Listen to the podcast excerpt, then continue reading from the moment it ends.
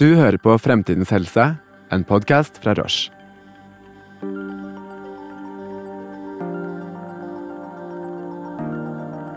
Jeg har jo tenkt på det mange ganger hvorfor jeg ikke vil være åpen om det, men det er vel kanskje det at man for det første lever litt i frykt for å bli avvist. Da. Så er det også noen andre da som også vil også synes veldig synd på deg. Eh, og jeg ønsker jo heller ikke at folk skal synes synd på meg, for det er jo ikke noe synd på meg. Hvorfor lever stigma rundt hiv fremdeles, over 40 år etter at viruset ble oppdaget? En kvinne vi kaller for Maria, forteller om hvilke fordommer hun møter i hverdagen. Dagens behandling gir ingen smitterisiko, skal vi høre fra overlegen som også er med oss i dag. Jeg heter Christian Bindesbøl og ser frem til å knuse noen myter. Åse Hegseth og Maria, velkommen. Takk. Maria, du ønsker å være anonym og er ikke åpen om at du lever med hiv. og Derfor har vi gitt deg et fiktivt navn i denne episoden. Og Da er vi rett i kjernen om hva vi skal snakke om i dag. Hvorfor er det vanskelig å være åpen overfor omgangskretsen din om at du lever med hiv? Eh, det er jo først og fremst veldig vanskelig fordi at det er så mye stigma rundt eh, det med hiv i dag. Eh, det er på en måte Hva skal jeg si Det er ikke så enkelt å buse ut og si at hei, jeg har hiv. Og det er nok også mest fordi at det er mange som ja, kunnskap, da, rett og slett. Mangel på kunnskap som gjør at man ofte blir veldig redd. Hvordan er det å leve med hiv i dag? Eh, for min del så syns jeg det er helt fint. Eh, jeg eh, lever akkurat som alle andre. Forskjellen på meg og alle andre er vel det at jeg, jeg tar tre tabletter hver dag. Og utover det så merker jeg ingenting. Hvem i omgangskretsen din er det som vet at du lever med hiv? Det er jo da de aller nærmeste, også eh, tante, eh, kusiner. Eh, faren min visste det også. Eh, moren min vet det ikke. Eh, og det er rett og slett fordi at jeg har lyst til å skåne henne mest mulig. Eh, jeg tror rett og slett ikke hun hadde taklet det så bra. Det er også enkelte venninner, og så er det jo da selvsagt samboer, da, som vet det i dag. Og hva slags reaksjoner har du fått fra de som du har vært åpne mot? Eh, de har vært veldig positive. Eh, det er jo klart at eh, besteforeldrene mine, og de har jo gått bort nå, men besteforeldrene mine òg visste jo det her. Og det de gjorde, det var jo det at de trodde de måtte teste seg, for de hadde jo sittet på samme dosete som meg. Og vi hadde jo drikket av samme glass. Så det er jo klart at Eh, det var jo en del spørsmål rundt det med hva, hva gjør vi? Har vi vært i noe fare for å eh, kunne ha fått hiv?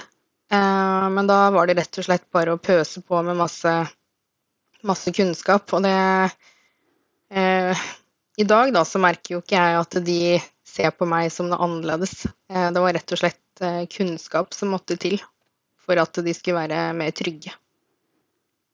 Du kommer jo litt inn på noen myter som lever fortsatt, men hvorfor lever de mytene, tror du? Er det det med kunnskap hos folk flest også? Ja, jeg tror Altså, de mytene, det tror jeg egentlig kommer mest ifra den litt eldre generasjonen. Uh, altså det er klart, og jeg kan jo på en måte forstå det, for de sitter jo igjen med de bildene som var, var før i tida. Uh, så det, jeg tror på en måte at det er ene alene til, til de mytene fortsatt fins. Eh, og så merker jeg også at det er enkelte også som begynner å bli mer og mer oppdatert, da. Så det er et slags generasjonsskifte i hvordan eh, man ser på det å, å leve med hiv? Ja, jeg vil eh, si det. Eh, og så er det jo da enkelte hva skal jeg si, helsevesen som egentlig kanskje forundrer meg mest. Eh, som man også blir møtt med en del eh, ja, rare, rare ting. Kan du si litt eh, om det, hvordan du har blitt møtt av helsevesenet? Eh, det var jo ikke så lenge siden jeg fødte. Og da var det Det var veldig spesielt.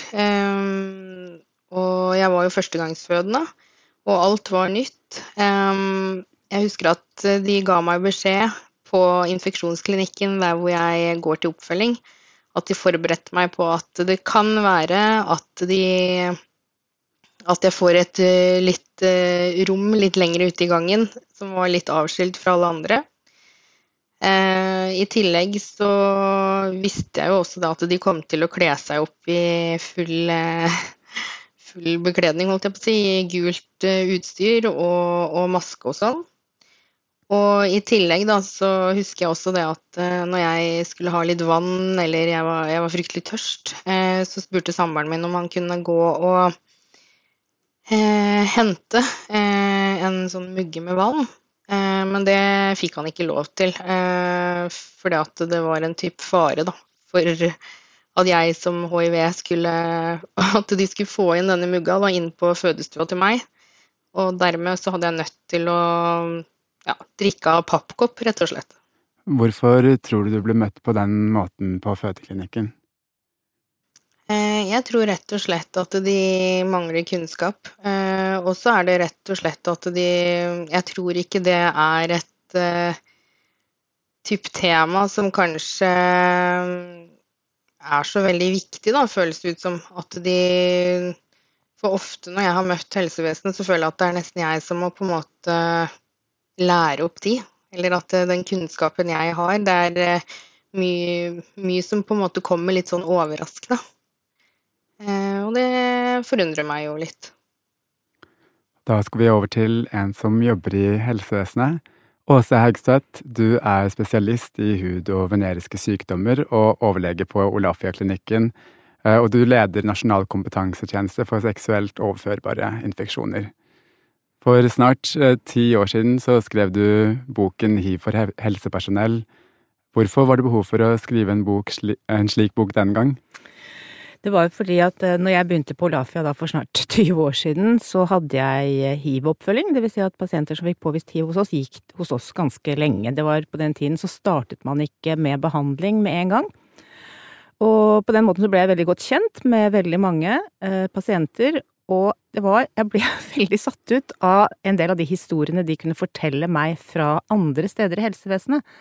Og da fikk jeg fryktelig dårlig samvittighet, så tenkte jeg vi gjør jo altfor lite når det gjelder å spre informasjon, tydeligvis, for her er det mye gammelt, gammelt rusk som, som eh, fortsatt sitter i. Og da, derfor så skrev jeg den boka til helsepersonell, og også basert da på en del pasienthistorier, hvor jeg da fikk en del av mine pasienter som kjente meg godt, til å fortelle om hvordan de hadde opplevd både det å få diagnosen, og litt om hvordan de var blitt møtt. Um, og det er klart at man, man, blir litt sånn sjokkert, men på den annen side så tenker man tenker at um, det er en del der ute som jobber med helt andre ting, og som lærte kanskje gikk på skole da for 20 år siden, og hvor ting ikke var som de er nå. Eh, så jeg skal forsvare de bitte lite grann, men på den annen side så har man også som helsepersonell plikt til selvfølgelig å oppdatere seg, så jeg syns det er kjempetrist da at eh, at eh, denne pasienten opplevde dette på fødeavdelingen.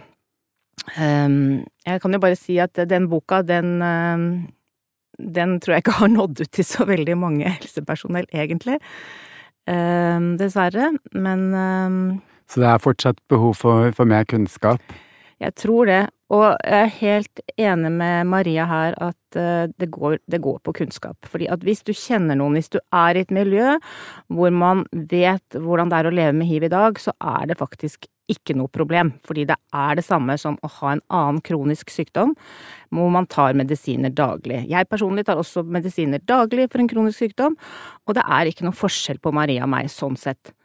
Men fordi at folk ikke vet, Eh, og kanskje da spesielt ikke kjenner noen, så er det mye frykt og uvitenhet. Uvitenhet, frykten kommer jo på grunn av uvitenheten. De vet ikke hvordan smitter dette her. Som Maria sa, kan jeg bli smittet av å drikke et glass? Kan jeg bli smittet bare av å sitte i rom, puste i samme luft? Man snakker jo om korona og luftsmitte, ikke sant, og munnbind og alt dette her. Så, så jeg, jeg skjønner det på en måte, men det som er utrolig viktig å si nå, er at det har skjedd en enorm utvikling på denne fronten siden jeg da jobbet med hiv-oppfølging, fordi um, nå har man fått medisiner som er så gode at du er ikke seksuelt smittsom. Altså det vil si at du kan ha sex uten kondom og uten å smitte partneren din.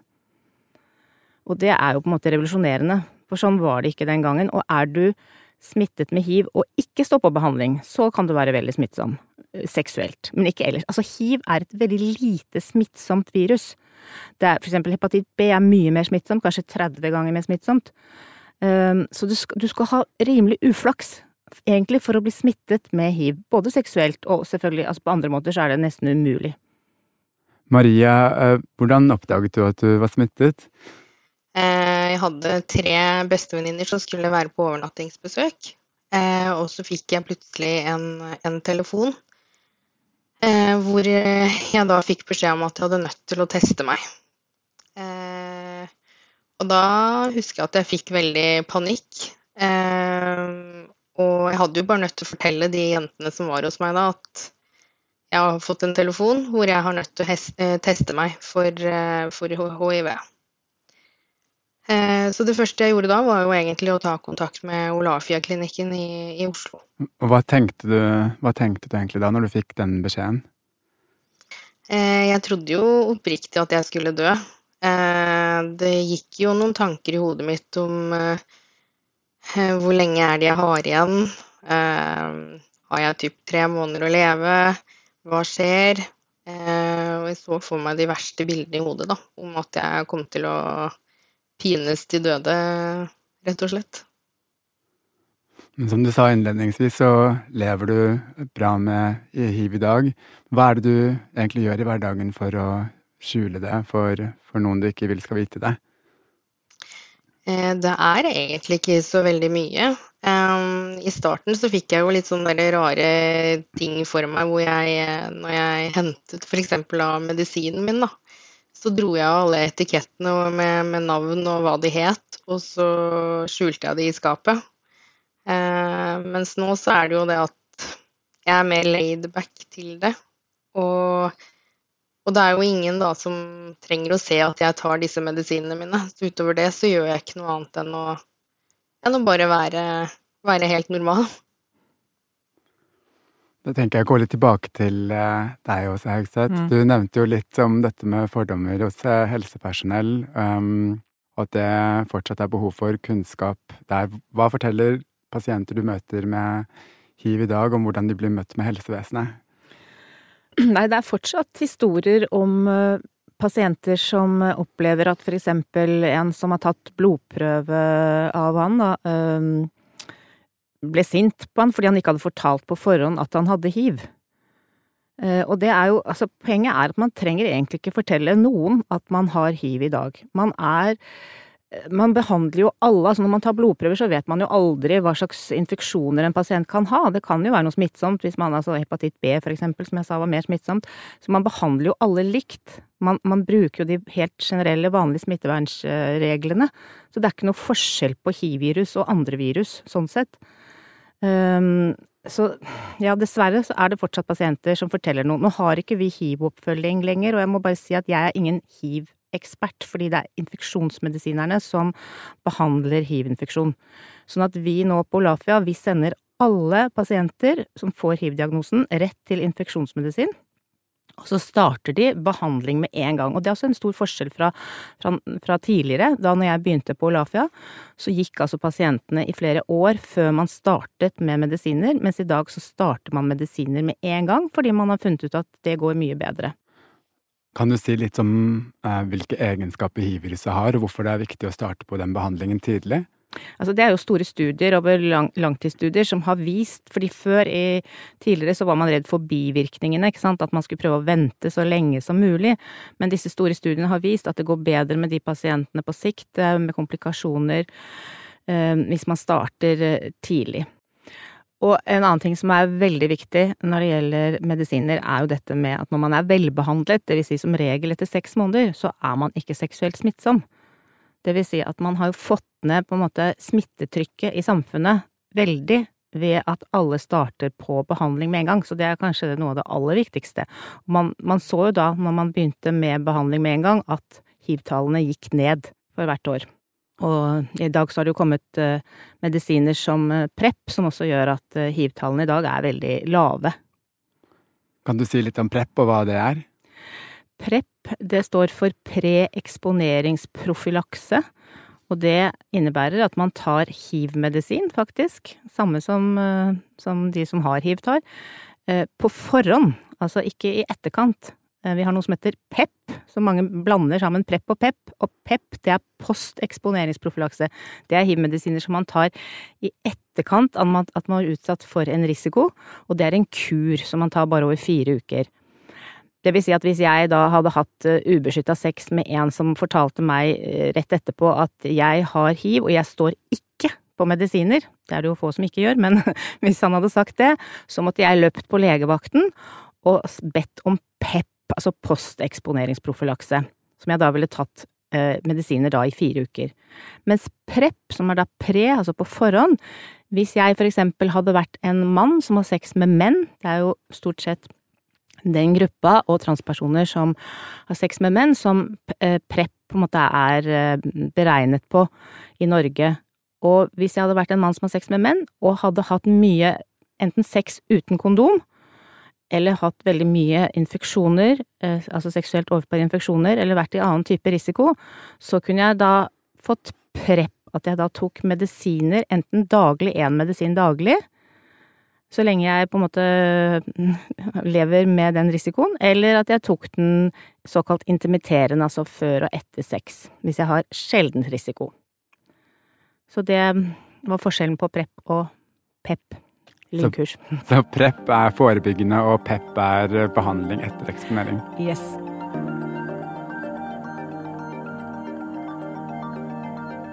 Hvordan uh, smitter egentlig hiv? Nei, det smitter jo eh, først og fremst eh, via blod, selvfølgelig, blodoverføring, eller via sekreter, altså seksuelt. Er, du klarer ikke å bli smitta av hiv hvis du kysser noen og du blir heller ikke smitta hvis du drikker av samme flaske. Så, så, du kan stort sett eh, gjøre alt, altså nå, nå, snakker vi om hvis man ikke står på medisiner, da. Eh, så kan man gjøre alt utenom å ha sex eh, uten kondom, da må man bruke kondom, ikke sant, hvis man ikke står på medisiner. Og heller ikke gi blod. Men ellers er som sagt hiv-viruset veldig lite smittsomt, så man skal ha veldig uflaks.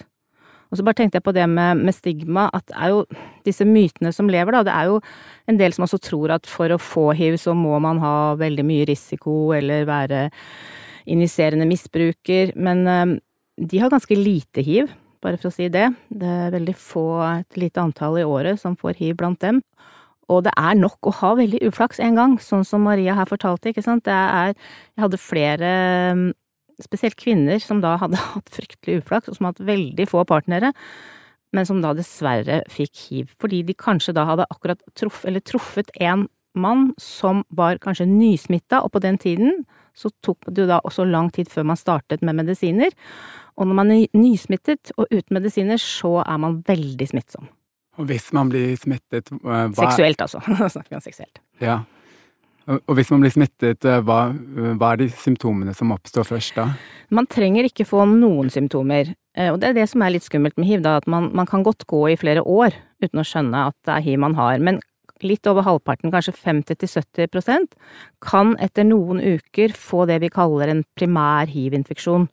Og nå vil alle bli veldig engstelige når jeg sier dette her, fordi at man kan få influensalignende symptomer med vondt i halsen, vondt i ledd og feber og føle seg dårlig, man kan få et utslett. Og så går det over igjen, og så tenker man kanskje ikke noe mer på det, og så tenker man at ja, jeg hadde vel influensa. Og så kan man gå i flere år, for hiv-viruset er et såkalt lentivirus, det, veldig, det utvikler seg veldig sakte, altså sykdommen utvikler seg veldig sakte.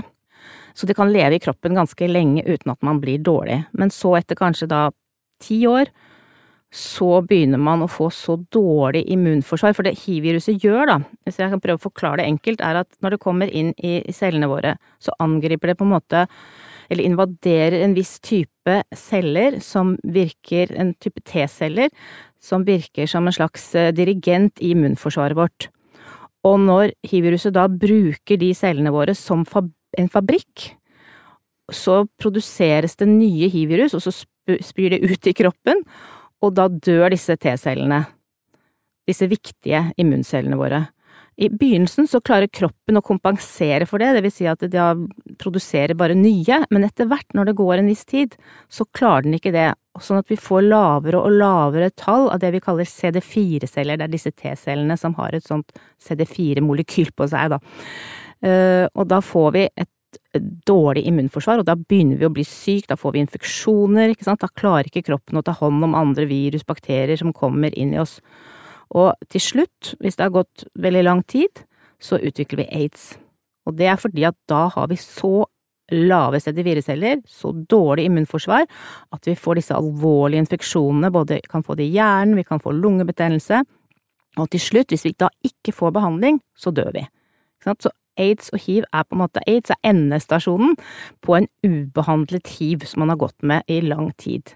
Hvis man er ubehandlet, kan man da få en vanlig infeksjon som kanskje ikke er så farlig for mange, men siden man har et svekket immunforsvar, så blir det alvorlig hvis man har ja, utviklet aids? Da, da, kan man i hvert fall få, sant, i begynnelsen så kan man få sopp i munnen, og så etter hvert så kan den soppen da gå nedover i spiserør, og så kan man da sant, bli veldig dårlig etter hvert når ja, for det blir alvorlige infeksjoner som har ligget der kanskje latent også, i hjernen, også kan det ligge virus latent, som vi alle har vært igjennom. Men når vi da får et svekket immunforsvar, så vil den kunne på en måte bryte fram igjen. Og så blir vi veldig syke. I dag så finnes jo behandling. Hva skal til for at eh, hiv utryddes? Det viser seg å være vanskelig. Det har vært noen pasienter, det ble blant annet nå for ikke så lenge siden Esperanza-pasienten, tror jeg kalt, hvor de ikke klarte å finne igjen viruset når de testet veldig, veldig, veldig, veldig mange av cellene til den pasienten. Og det har også skjedd før, San Francisco-pasienten i 2020. Eh, men så, sånn at man tror Man kan jo tenke seg at det er noen pasienter da som klarer på en måte at kroppen tar hånd om dette selv, men det man ikke vet er jo om at det, fort, det kan fortsatt ligge virus der som man bare ikke klarer å påvise, sånn at om noen år så kan det bryte ut igjen. Vi håper jo alle på at man en dag vil kunne finne en, eh, en behandlende kur som gjør at man da nå kan kvitte seg med viruset for godt. For det som skjer nå, er at når man står på medisiner, så har man ikke noe påvisbart virus i blod, men viruset ligger på en måte latent og sover i visse celler i kroppen og i vev. Sånn at eh, med en gang du da slutter med medisinene, så vil det kunne bryte fram igjen. Det er jo fortsatt mange i verden som lever med hiv i dag, rundt 38 millioner, og kun rundt 50-60% av de får effektiv behandling. Er det mulig å se for seg at alle kommer til å få uh, tilgang på behandling, slik at smitten synker globalt sett? Mm, det er det vi håper på. Vi ønsker jo virkelig det. I Norge så har vi jo kommet veldig, veldig langt. Altså de målene 90-90-90, eh, som betyr at 90 skal kjenne sin status og 90 90 av de igjen skal være på behandling, og 90 av de igjen som står på behandling skal være såkalt fullt virussupprimert, altså ikke påvisbart virus i blodet. Der ligger Norge veldig bra an. Men eh, som du sier at rundt i verden, ikke sant, så er det jo ikke sånn, og dette handler om økonomi og penger og legemiddelfirma og Så i dag lever ca. 4500 personer i Norge med hiv, og ca. 100 blir smittet hvert år. Hva tror du om smittesituasjonen i Norge fremover? Jeg tror det kommer til å være veldig, veldig lavt. Eh, både fordi at alle nå begynner på medisiner med en gang at de får diagnosen, og fordi vi har prep til de gruppene som eh, trenger det. Så jeg tror jo at dette kommer til å fortsette å gå nedover. I Norge, absolutt. Siden det er så lite nysmitte av eh, hiv i Norge, så vil kanskje noen tenke at hiv angår ikke meg. Når bør man tenke at man burde teste seg? Um, nei, det er først og fremst menn som har sex med menn som faktisk skal teste seg regelmessig hvis de ikke lever i et monogamt parforhold. For der er det høyest risiko i denne gruppen. Men så er det også da for eksempel uh, heterofile menn som drar til Thailand. En del blir smittet med hiv der årlig, det vet vi. Det har ligget på sånn rundt 15 tidligere. Nå er det selvfølgelig mye mindre på grunn av pandemien.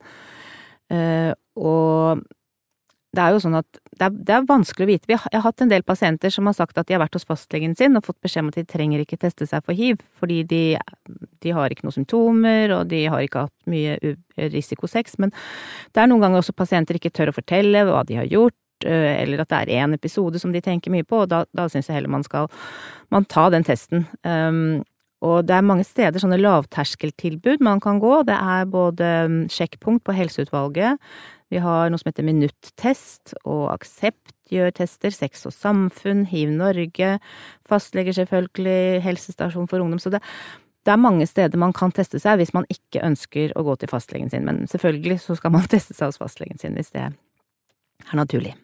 Maria, da tenkte jeg å gå tilbake til eh, deg. Hva skal til for at um, du vil være åpen med omgivelsene dine om at du lever med hiv i dag?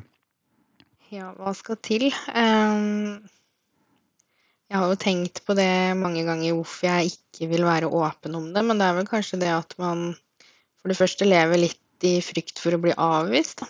Eh, og så er det jo også det at man eh, Og så er det også noen andre da som også vil også synes veldig synd på deg. Eh, og jeg ønsker jo heller ikke at folk skal synes synd på meg, for det er jo ikke noe synd på meg. Eh, jeg lever som alle andre i dag og har det helt fint med det. Så jeg tenker at det som må til, er vel egentlig Det er vanskelig å si. Eh, men mer, eh, mer kunnskap eh, ønsker jeg meg da, også blant unge. For det, det hender jo man ja, kan f.eks. sitte i et pauserom og man spiser lunsjen sin, og så er det da kanskje noen som sier at kommer noen slengbemerkninger om at 'å, han har sikkert hiv, og de ser sånn ut'. Og ja, jeg tror egentlig det er litt sånn mer kunnskap om de generelt, da, også på de på min alder, eh, hadde nok eh, hjulpet. Helt enig med deg, og jeg tenker at eh, media og TV og filmer har en veldig viktig funksjon. Men det jeg kom på nå, var at egentlig er det litt synd på en måte, fordi veldig mange av de filmene og seriene som har vært vist, sånn som It's a Sin, Pose, Tørk aldri tårer uten hansker, de viser jo på en måte hiv-epidemien fra starten av. Altså for mange år siden, hvordan det var da. Og det er viktig å få med, men det viser jo ikke hvordan det er å leve med hiv i dag. At det er på en måte som på linje med alle andre kroniske infeksjoner. Dette kunne vi snakket mye mer om. Maria og Åse Haugstvedt, tusen takk for at dere var med i denne episoden av Fremtidens helse.